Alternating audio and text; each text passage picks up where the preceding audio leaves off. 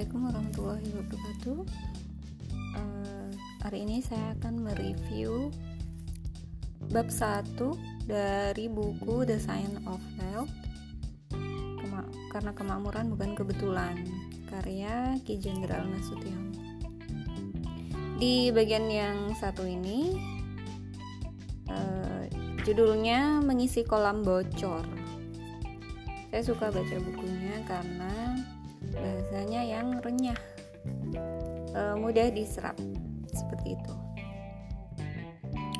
Mengisi kolam bocor. Mungkin e, kalau yang pernah ikut-ikut seminar offline-nya bisa lebih paham ya materinya. Saya nggak belum belum pernah ya. Kalau online-nya sih pernah saya. Bahwa sebenarnya setiap orang di dunia ini sedang berusaha mengisi kolam yang bocor dari sebuah sumber sumber air gitu. Nah, kolam itu adalah wadah yang disiapkan orang untuk menampung penghasilannya, uang hasil kerjanya. Kolam ini memang pasti bocor dan memang harus bocor. Kebocorannya itu adalah semua kebutuhan hidup yang membutuhkan uang. Air yang ada di dalam kolam itu adalah uang yang mesti keluar untuk memenuhi semua kebutuhan hidup. Untuk membeli sembako, uang sekolah anak, BBM, gas, listrik, air, dan segala macam kebutuhan hidup lainnya. Yang jelas, tidak mungkin ditutup pengeluaran e, untuk semua kebutuhan itu. Lalu, setiap orang di muka bumi ini berusaha mengisi kolamnya masing-masing. Permasalahannya ada pada cara setiap orang mengisi kolamnya. Ada yang mengisinya dengan selang besar, ada yang mengisinya dengan ember, ada yang mengisinya dengan gayung, ada yang dengan cangkir, ada yang dengan sendok, dan ada juga yang dengan sedotan. Semakin kecil air yang diisi ke dalam kolam, berarti semakin sedikit juga yang bisa dikeluarkan. Semakin sedikit uang yang dihasilkan, semakin sedikit pula yang bisa dikeluarkan. Begitupun sebaliknya, semakin banyak uang yang dihasilkan, semakin banyak yang bisa dikeluarkan. Yang mengisi kolamnya e, menggunakan sedotan misalnya, tentu lebih sedikit hasilnya dari yang menggunakan gayung. Dan yang menggunakan ember tentu lebih sedikit hasilnya dari yang menggunakan selang besar. Dalam konteks wealth science, cara Eh, setiap orang yang menghasilkan uang adalah murni pilihan masing-masing. Pilihan ini biasanya diambil berdasarkan kondisi setiap orang atau berdasarkan kapasitas diri setiap orang.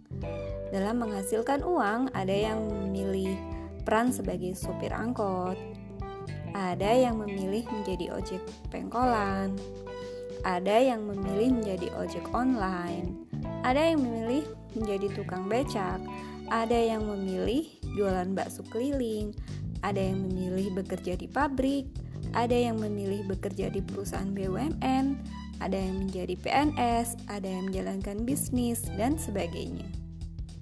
Setiap pilihan itu kita analogikan sebagai cara mengambil air untuk dimasukkan ke dalam kolamnya masing-masing. Setiap cara mengambil air butuh pengorbanan waktu dan tenaga. Pengorbanan waktu dan tenaga itu nanti akan kita sesuaikan dengan banyaknya air yang dihasilkan. Setiap cara menghasilkan uang butuh pengorbanan waktu dan tenaga. Pengorbanan waktu dan tenaga itu nanti akan kita sesuaikan dengan banyaknya uang yang dihasilkan. Pertanyaan yang perlu dijawab adalah: berapa liter air yang bisa masuk ke kolam? Berapa liter air yang bocor keluar. Apakah kerja kerasnya memasukkan air ke kolam bisa memenuhi kebutuhan air yang dikeluarkan?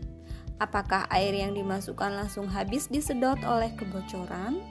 Apakah kita menghabiskan umur kita untuk mengisi air ke kolam dan gak punya waktu lagi untuk menikmati hidup?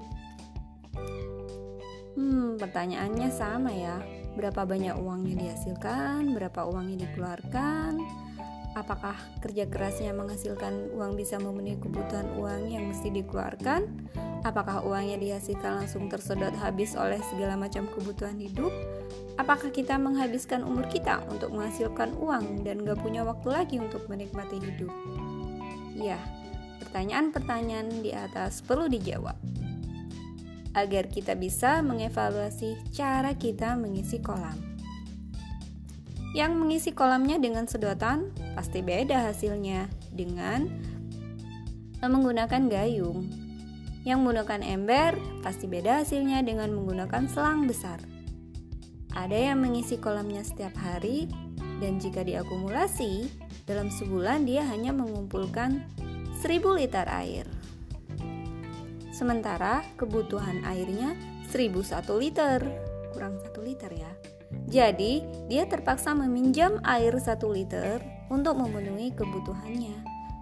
Ada orang yang gak perlu mengisi kolamnya setiap hari, tapi bisa mengumpulkan 10.000 liter air dalam sebulan. Sementara kebutuhan airnya hanya 5.000 liter. Hmm, sisa 5.000 kan ya? Bahkan ada orang yang nggak perlu lagi mengisi kolamnya, dia sudah membuat instalasi selang atau pipa yang sangat besar dari sumber air ke kolamnya yang bisa menghasilkan air ratusan ribu liter dalam sebulan. Kolamnya selalu terisi penuh, bahkan luber, sedangkan kebutuhan airnya hanya 5000 liter. Yang mereka pikirkan bukan lagi mengisi kolam, tapi membuat kolam-kolam baru lalu memasang selang atau pipa dari sumber air ke kolam-kolam yang dimilikinya. Ada yang menghasilkan uang 3 juta dalam sebulan, sementara kebutuhan hidupnya 3,5 juta sebulan. Jadi, dia terpaksa meminjam uang 500 ribu untuk memenuhi kekurangannya. Ada yang menghasilkan uang 10 juta sebulan, sementara kebutuhan hidupnya hanya 5 juta sebulan. Bahkan ada yang gak perlu lagi sibuk memikirkan cara menghasilkan uang. Dia sudah membuat mekanisme sedemikian rupa agar sumber uang eh, secara otomatis mengisi wadah uangnya yang bisa menghasilkan uang ratusan juta atau miliaran sebulan.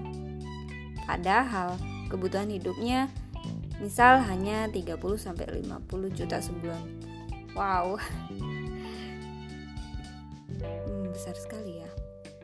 Yang mereka pikir eh, yang mereka pikirkan bukan lagi cara menghasilkan uang, tapi membuat kolam-kolam baru, lalu membuat sistem tertentu agar uang mengalir sendiri ke kolam-kolam yang mereka miliki. Saya nggak akan nanya kamu ngisi kolam pakai apa, tapi saya berharap di sini kita akan punya gambaran tentang seperti apa cara mengisi kolam yang kita inginkan Apakah dengan cara menghabiskan tenaga dan waktu karena mengisinya dengan sedotan atau sendok? Atau dengan cara menghemat tenaga waktu karena kita memasang selang atau pipa dari sumber air ke kolam kita? Bahasan selanjutnya dari buku sederhana ini semoga bisa membuat kita berpikir ulang tentang cara seperti apa yang semestinya kita pilih. Nah, buku ini memang uh, bagus ya saya ini sebenarnya buku uh, bisnis tapi saya uh, membacanya tuh materinya tuh nggak nggak nggak kayak buku bisnis tapi seperti buku buku-buku kitab menurut saya. Karena di sini di dibahas nanti di babab yang akan eh, yang selanjutnya itu uh, lauh mahfud dan takdir sunatullah dan syariatullah. Tentang doa kemudian tentang marketing langit gitu. Tentang variabel sunnatullah dan syariatullah gitu tentang uh, jebakan keahlian ke dan keberlimpahan.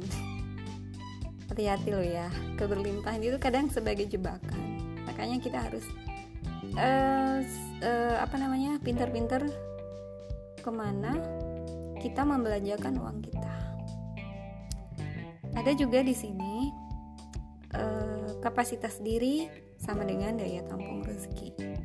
Tentang zakat dan haji, tentang manusia level 4. Wow. Manusia level 4 itu seperti apa ya? Dia udah nggak memikirkan dirinya. Kalau manusia level 4 dia dia tuh cuma ngasih ngasih ngasih ngasih aja ke mana jalur rezekinya dia gitu seperti itu. Uh, banyak sekali ya di sini yang disinkronkan antara uh, ilmu bisnis dan agama gitu. Salah satunya yang paling saya suka adalah jangan pakai sepatu orang. Ini di bagian bab 39 itu jangan pakai sepatu orang. Kita nggak bisa memprediksi uh, orang lain seperti itu. Kita nggak bisa. Uh, itu saja sudah cukup ya 10 menit lebih ini Selamat beristirahat siang. Assalamualaikum warahmatullahi wabarakatuh.